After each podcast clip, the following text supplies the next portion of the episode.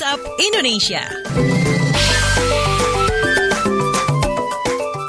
Waktunya kita keliling Indonesia di WhatsApp Indonesia. Kita mulai dari Banten, sekolah di Lebak minta dibuka tatap muka. Kemendikbud melarang. Selengkapnya dilaporkan reporter KBR Wahyu Setiawan. Selamat pagi. Selamat pagi. Sejumlah sekolah di Kabupaten Lebak, Banten meminta pelonggaran agar kegiatan belajar mengajar tidak dilakukan secara daring jarak jauh. Bupati Lebak, Iti Oktavia Jayabaya, meminta agar sejumlah sekolah di daerahnya dibuka tatap muka karena berada di kawasan pegunungan dan kesulitan mendapatkan sinyal internet. Merespon hal itu, pelaksana tugas Dirjen PAUD Pendidikan Dasar dan Menengah Kementerian Pendidikan dan Kebudayaan Kemendikbud Hamid Muhammad melarang sekolah selain di zona hijau menerapkan pembelajaran tatap muka. Saat ini, Kabupaten Lebak masih berada di zona oranye. Ia menjelaskan pembelajaran jarak jauh tak harus dilakukan secara daring, namun bisa juga dengan luring. Mekanismenya yakni guru berkunjung ke rumah siswa atau tempat kelompok belajar yang maksimal terdiri dari lima siswa. Pembelajaran itu dilakukan menggunakan buku paket pelajaran atau modul. Selain itu, ia menyarankan agar sekolah menerapkan pembelajaran luring dengan memaksimalkan program belajar dari siaran radio lokal dan televisi. Untuk program ini, Dinas Pendidikan setempat diminta aktif bekerja sama dengan penyedia layanan.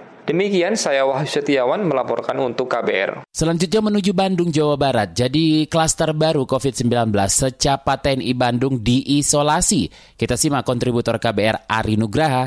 Selamat pagi. Selamat pagi, Sekolah Secapa TNI di Bandung, Jawa Barat diisolasi setelah ditemukannya ratusan siswa terpapar virus corona penyebab COVID-19. Sekolah kedinasan itu kini menjadi klaster penyebaran COVID-19.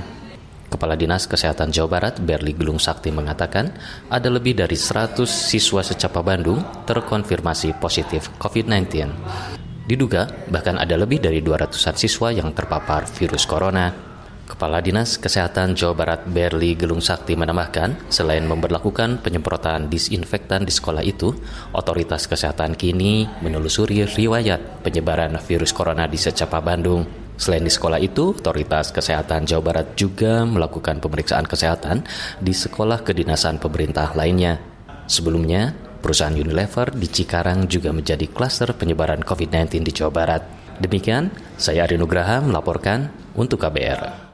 Terakhir menuju Solo, Jawa Tengah, peserta tunanetra UTBK di Solo dilengkapi fasilitas ramah difabel. Kita simak kontributor KBR Yuda Satriawan. Selamat pagi. Selamat pagi, peserta ujian tulis berbasis komputer dari kelompok penyandang difabel mendapat akses dan fasilitas saat mengerjakan soal seleksi bersama masuk perguruan tinggi negeri atau SBMPTN di Solo.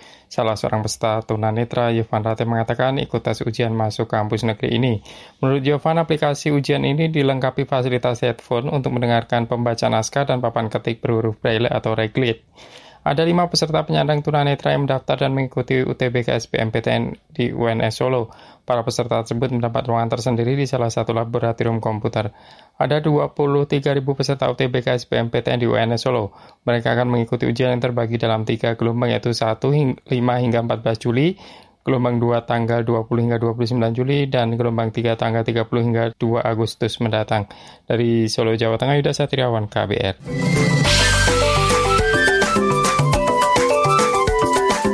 WhatsApp Indonesia.